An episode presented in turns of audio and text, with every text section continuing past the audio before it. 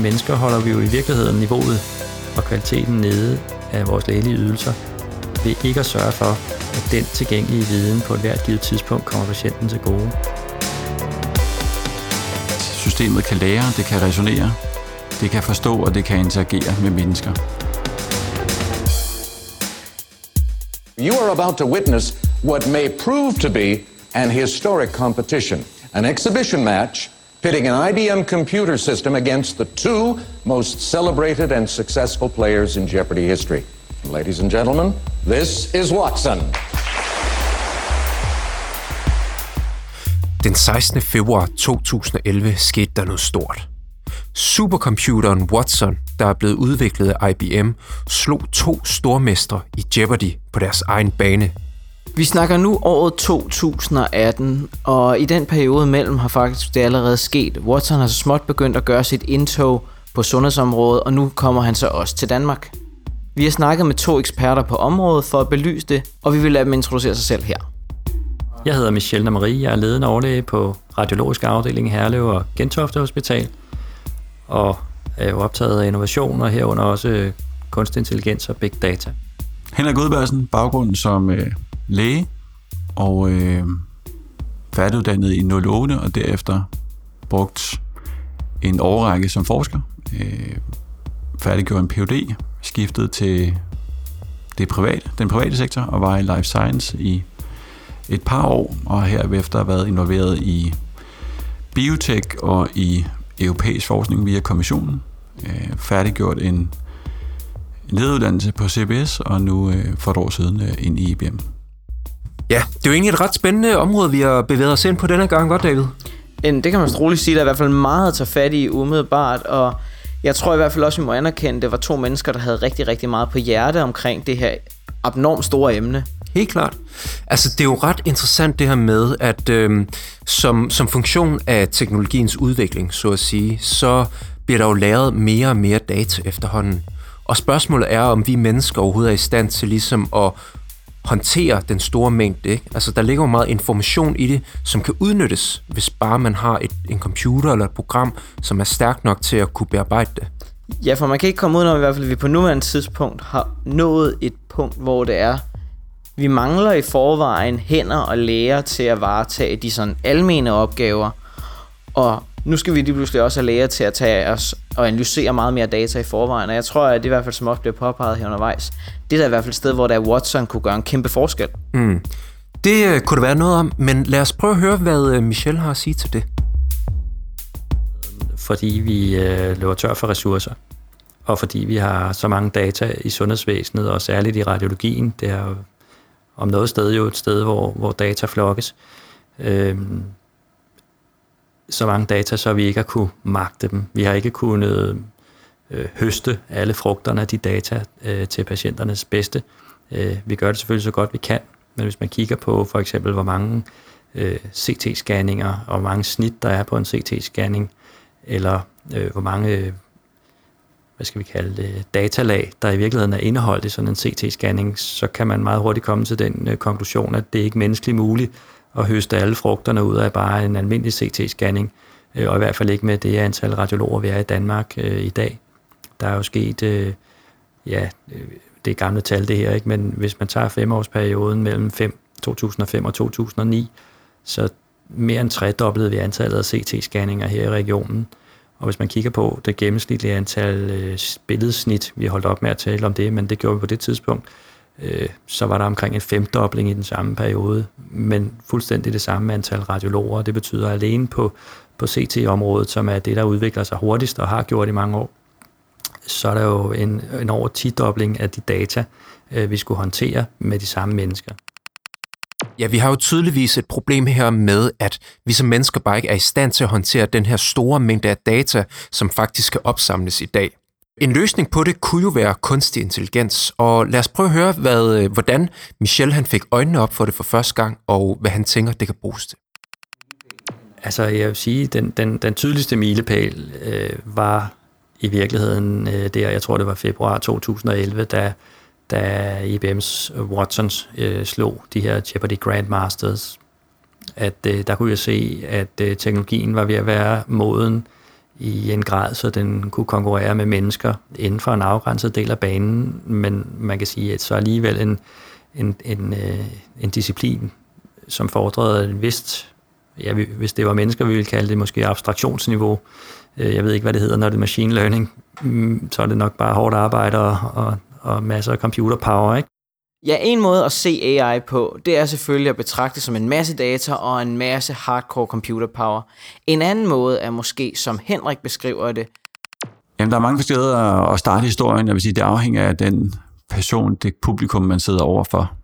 Øhm, I den grundlæggende historie er, som, som vi snakker om før, at systemet kan lære, det kan resonere, det kan forstå, og det kan interagere med mennesker øh, som ikke er specialister inden for den tekniske aspekt, altså inden for algoritmer for eksempel. Derefter er der et aspekt omkring at få forklaret, at Watson som koncept kan være mange ting. Det kan være et computerprogram, det kan være en server, det kan være en robot, det kan være en app. Det kunne være alle mulige ting. Så Watson er ikke én ting, det er utrolig mange ting. Og øh, jeg tror, det er, en, det er en oftest noget af det, man hører tilbage, at øh, folk har fornemmelsen af, at kunstig intelligens er én ting, og det er det ikke. Der findes et hav af løsninger, et hav af, af teknologier, som man kan bruge i mere eller mindre grad.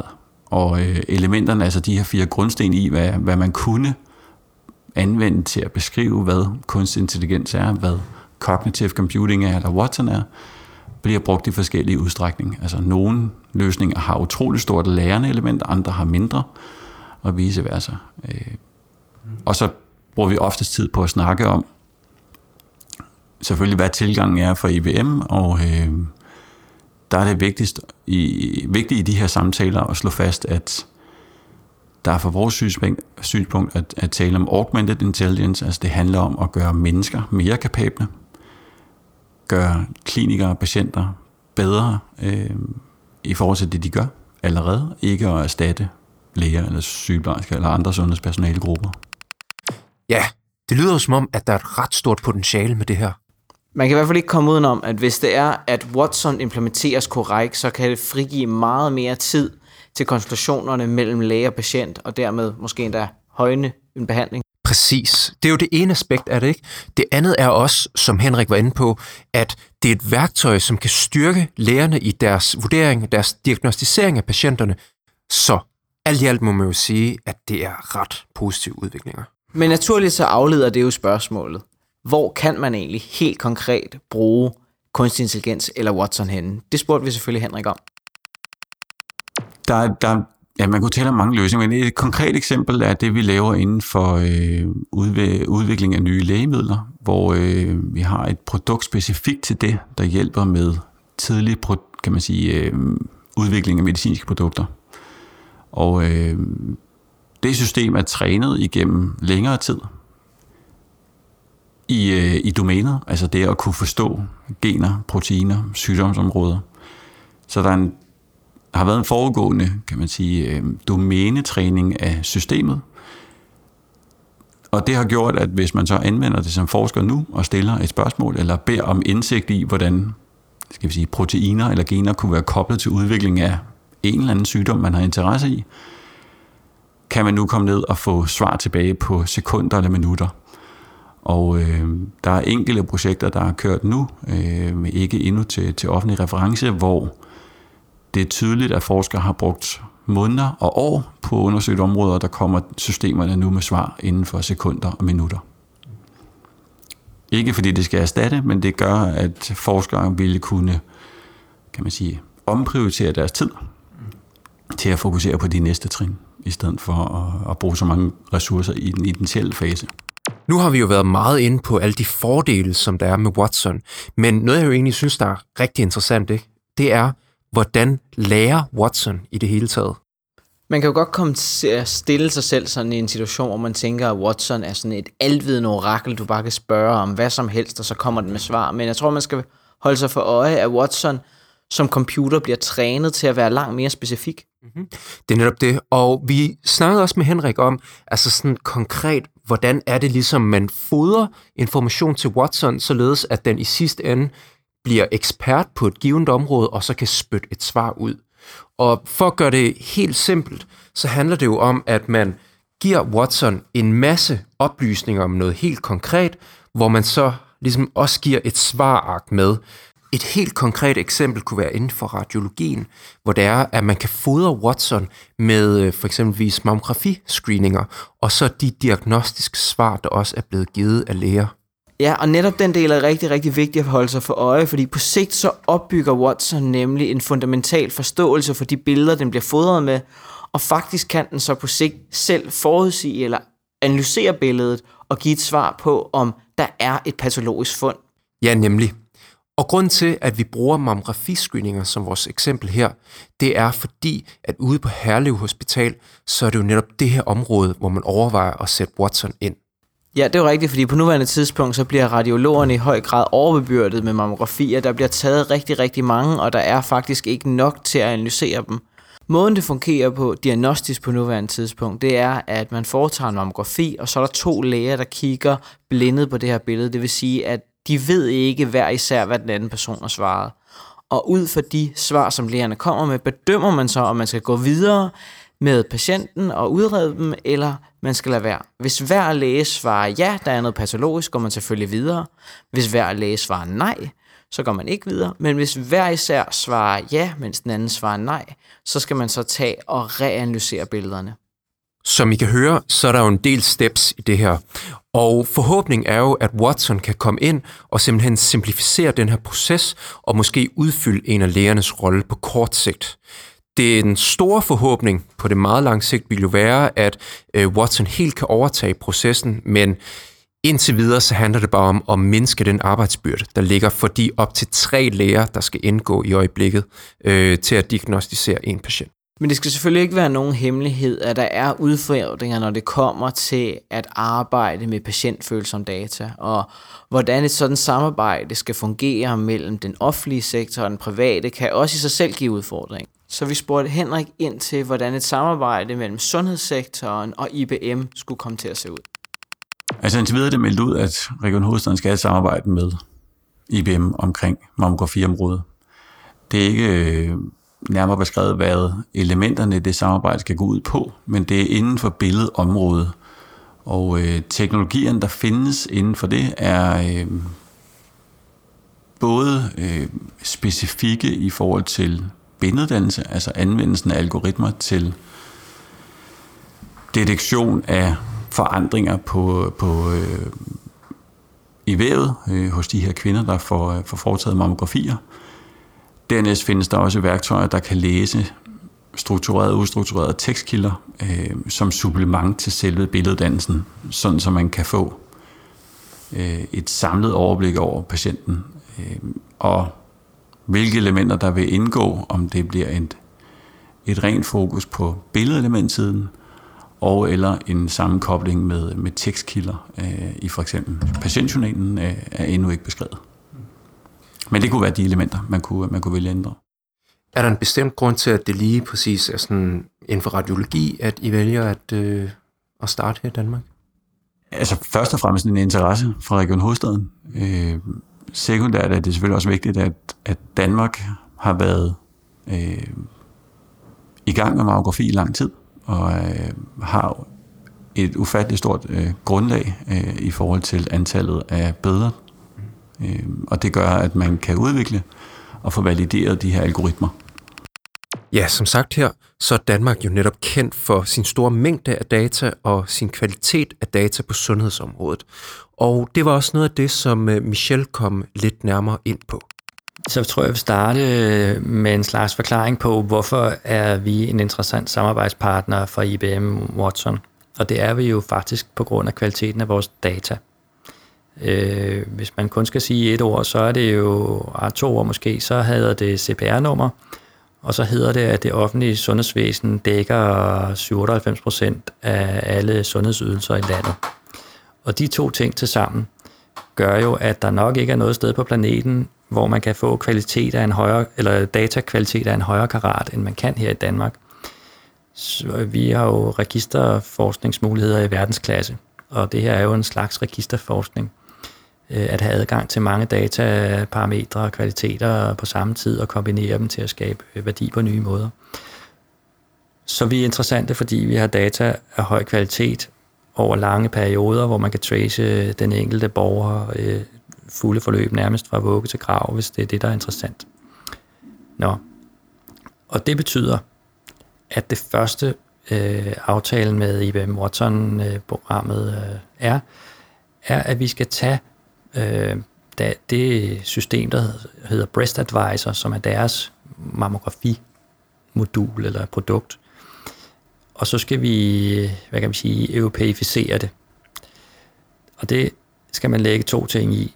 Man skal lægge det i det, at øh, det danske sundhedsvæsen har sine øh, logikker, sine incitamentstrukturer, sine arbejdsgange, sine kliniske retningslinjer for, hvordan håndterer vi brystkræft. Øh, men man skal også lægge i det, at øh, den videnskabelige litteratur, som vi lægger vægt på her, øh, de kompetenceniveauer for vores læger, vi har øh, her, øh, og den, hvad kan man sige, det fælles fodslag, som vi har på tværs af landet her, i forhold til, hvordan vi håndterer brystkræft, at det giver en anden, et, et, et anden kontekst samlet set for en kunstig intelligens, der skal gå ind og være med på arbejde og måske overtage nogle opgaver. Og det betyder, at vi skal, vi skal i første omgang sørge for, at Watson øh, Breast Advisor, at den bliver et redskab, der kan anvendes øh, i Danmark. Præmissen for, at Watson kan komme til at fungere optimalt, er, at den kan få lov til at trække på den store mængde data, der allerede ligger, og at vi som danske patienter er villige til at afgive og logge mere af den sundhedsdata, øh, der er omkring os ude i fremtiden. Og det afleder jo det helt naturlige spørgsmål om, hvem og hvordan skal man have adgang til den her data, og hvordan undgår man en risiko for, at der egentlig kan ske et læk? Det er i hvert fald set før med øh, andre dele af den offentlige sektor, at øh, meget vigtig information om borgerne er blevet lækket jo, så altså, det er jo virkelig et, øh, et relevant problem, ikke? Øhm, det spurgte vi Henrik om, og det her, det er det svar, han havde til det. Ja, det, er en, det er et stort debatemne. Øh, jeg tror, vi har behov for, at de store interessenter inden for det her øh, område øh, bliver mere proaktive i, øh, i debatten omkring sundhedsdata, men også mere klare i mailet i forhold til, hvad interessen måtte være i forhold til de her sundhedsdata. Altså der er alene det aspekt, at vi oftest ikke diskuterer bare den, den, den, den ene øh, forskel, øh, som kunne være, at man selvfølgelig i forbindelse med et individuelt behandlingsvalg gerne vil kigge på individets data, men at man omvendt fra et kan man sige, forsknings- og dokumentationsbehov ikke nødvendigvis behøver at kigge på individet, men godt kunne kigge på grupper af mennesker, der minder om. Altså lidt ligesom vi kender fra Danmarks Statistik og Nordforsk, så kigger man ikke på mindre end en, en grupper på 20, 30, 40 individer. Øh, det er et aspekt i den her diskussion om, hvor tæt på vi skal gå på borgeren, og hvem skal have adgang til data, er selvfølgelig et helt andet aspekt. Øh, skal man frit kunne kigge på data hele tiden? Skal man frit kunne kopiere data? Hvor skal de ligge henne? Øh, og så videre. Der, der er et hav af emner, som skal diskuteres mere grundigt.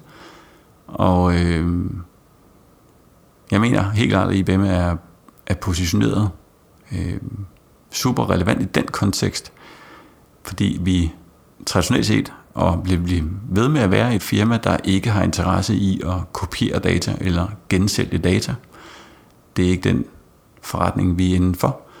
Vi analyserer data og bringer indsigt til de kunder, der måtte være, men det er og bliver vores kunders og partners data og indsigt.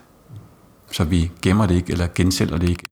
I spørgsmålet om datahåndtering og risiko for et datalæk spurgte vi selvfølgelig Michel om det samme, og han svarede. For nogle skræmmescenarier i forhold til, øh, hvis data skal sættes på arbejde, så risikerer man jo også, øh, hvad kan man sige, privacy issues og, og andet. Øh, der er et skræmme øh, ord, der hedder forsikringsselskaber her og så videre. Men problemet er øh, i vores angst for forsikringsselskabskonsekvenser og i vores iver for at beskytte vores privatliv, så holder vi jo i sidste, så kommer vi i sidste ende til at holde niveauet for vores befolkning nede.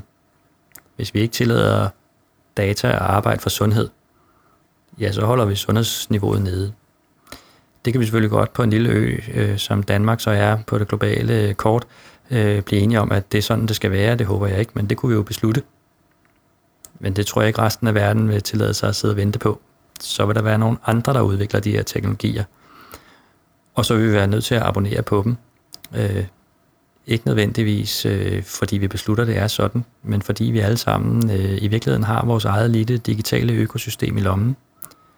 Med vores smartphones giver os adgang til kunstig intelligens, apps med kunstig intelligens, store teknologifirmaer, som jo lever af at samle data og øh, hvad kan man sige, bruge dem til at, at lave produkter, der producerer værdi for, for brugerne.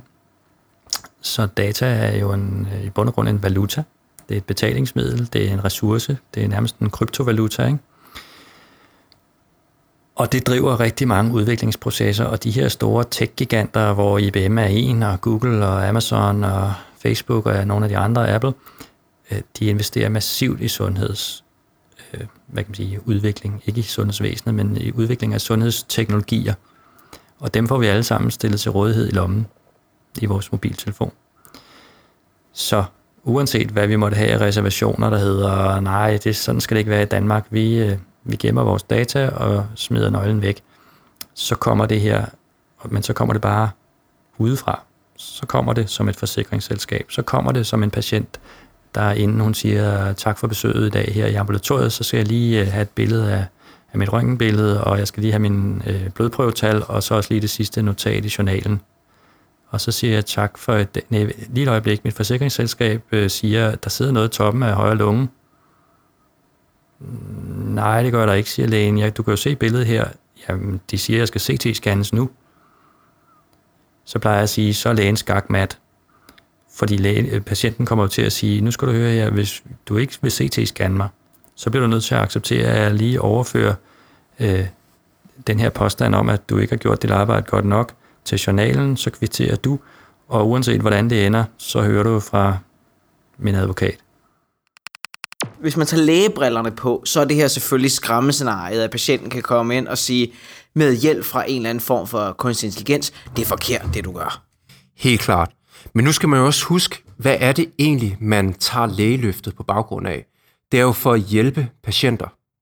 Så man kunne også vende om, ikke? Øh, og, så, og så stille spørgsmålet, jamen, øh, hvis det er, at det rent faktisk er til gavn for patienterne, er man så ikke moralsk forpligtet til faktisk at gå ud af den her vej her? Som mennesker holder vi jo i virkeligheden niveauet og kvaliteten nede af vores lægelige ydelser ved ikke at sørge for, at den tilgængelige viden på et hvert givet tidspunkt kommer patienten til gode. Altså der er vi som mennesker en begrænsende faktor, og det, det er vi nok i virkeligheden allerede i dag men det, de her teknologier, kunstig intelligens koblet med big data, øh, det de i virkeligheden varsler, det er, at det kommer ikke til at fortsætte ud i evigheden. Vel? Der bliver alternativer, der bliver i virkeligheden, øh, vi, vi, vi er moralsk forpligtet til at, at bruge de teknologier til at skabe mere værdi for vores patienter. Jeg tror, den vigtige besked at tage med herfra, det er, at Watson er ikke bare et redskab, der går ind og stopper eller øh, erstatter et arbejde, men det er en augmentation af lægen. Det vil altså sige, det er et hjælperedskab, der gør dig dygtigere til at diagnostisere og hjælpe patienten videre. Jeg er enig. Jeg tror også, det er et problem, hvis man begynder at opstille sådan en dikotomi imellem lægen og så Watson og kunstig intelligens, og ikke ligesom ser dem som to dele, som egentlig kan styrke hinanden. Det er en kæmpe fordel for patienten, og i sidste ende, så er det jo sådan set det, som sundhedsvæsenet rent faktisk er til for. Ja, og så er spørgsmålet jo netop nu, hvornår er det, at kunstig intelligens, eventuelt Watson, kan gå fra at være en forsøgsordning til noget, der reelt set kan hjælpe lægen med at diagnostisere i klinikken? Det går meget, meget stærkt nu med udviklingen. Så øh, hvis man kigger på, hvor moden er teknologien, og ikke bare moden, øh, hvad kan vi kalde det, i et laboratorium eller øh, i et udviklingsafdeling øh, øh, for IT i de her tech-giganter, men også hvor moden er den i forhold til, siger man gang, at det her er et redskab, en læge kan bruge. Øh, det går meget, meget stærkt med den modning. Men øh, den er muligvis ikke klar, og muligvis ikke klar til alle markeder på én gang. Jeg brugte eksemplet før med, øh, at i, i udviklingslande, så er det første øh, røntgenudstyr og røntgendiagnostik, man typisk får, det er et gammeldags røntgenapparat, og så kan man tage billeder af folks lunger. Men det næste er ikke nødvendigvis en røntgenlæge.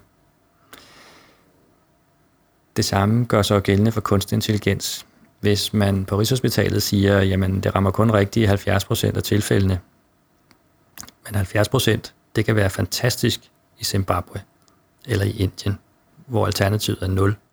Men jeg forstår det nok, vil det selvfølgelig være en, øh, et stor hjælp i et uland som Zimbabwe. Men hvordan ser du, at kunstig intelligens kan implementeres sådan i Danmark, hvis man betragter en femårig periode? Øh, mit bud er, at vi inden for en femårig periode, så vil det for eksempel være sådan, at øh, et røntgenbillede af lungerne, øh, hvis vi stadig har det som et tilbud til patienterne, så vil der nok altid være en kunstig intelligens, der skal kigge med. Øh, når jeg peger der, så er det fordi, at det er et af, det, det er vores, vores, øh, hvad kan man sige, det er vores største sælger. Det er den, den undersøgelse, vi laver allerflest gange, og har været det mange, mange år. Øh, det vil det være i den vestlige verden, og det er det selvfølgelig også i udviklingslandene, øh, fordi det er jo en gammel teknologi, den er over 100 år gammel. Øh, så det første, man får, er jo et røntgenapparat, hvis man skal have billeddiagnostik men det næste, man får, er ikke nødvendigvis en røntgenlæge. Og det betyder, at der er et stort behov for, og der er også et stort potentiale i at udvikle teknologi til øh, netop røntgenbilleder af lungerne. Og øh, modenheden hos nogle firmaer, det skal valideres af tredjepart, så, så derfor er der den reservation. Men de undersøgelser, de selv sætter op, de viser, at øh, 2017 var nok året, hvor vi skal til at diskutere, om computeren er bedre end radiologen til opgaven. Og nu snakker jeg om røntgenbilleder af lungerne. Øh, nogle af de her firmaer øh, tilbyder, at man øh, kan uploade røntgenbilleder, anonymiserede røntgenbilleder, og se, hvad der så sker, når man interagerer med den kunstige intelligens og den algoritme, som de på et tidspunkt jo vil, vil have FDA godkendt og CE-mærket. Og det forventer de at få her i 2018. Hvis man sender røntgenbilleder af lungerne afsted til den her kunstig intelligens, så øh, oplever vi, og vi har skrevet en kort rapport om det, for, for ligesom at prøve at sætte en, en milepæl og sige, hvor langt var vi egentlig i januar 2018. Og der, hvor man kan sige, at vi var, det er, at vi får en type svar tilbage, der hedder, det her røntgenbillede af lungerne, det er et forfra-billede, kun et billede, det er normalt.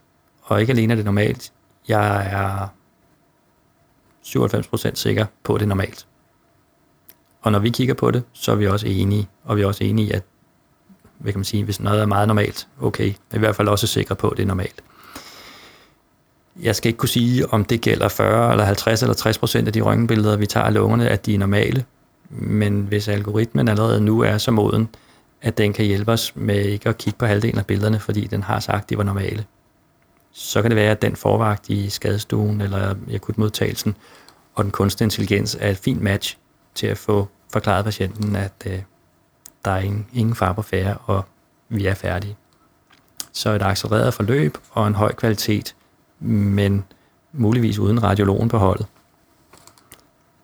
Så er der det andet ekstrem øh, af svar, der kommer ud, der hedder, jeg er 96% sikker på, at her er der noget patologi, og jeg peger også på, hvor det er, og jeg peger med en farvekode på, hvor jeg er mest bekymret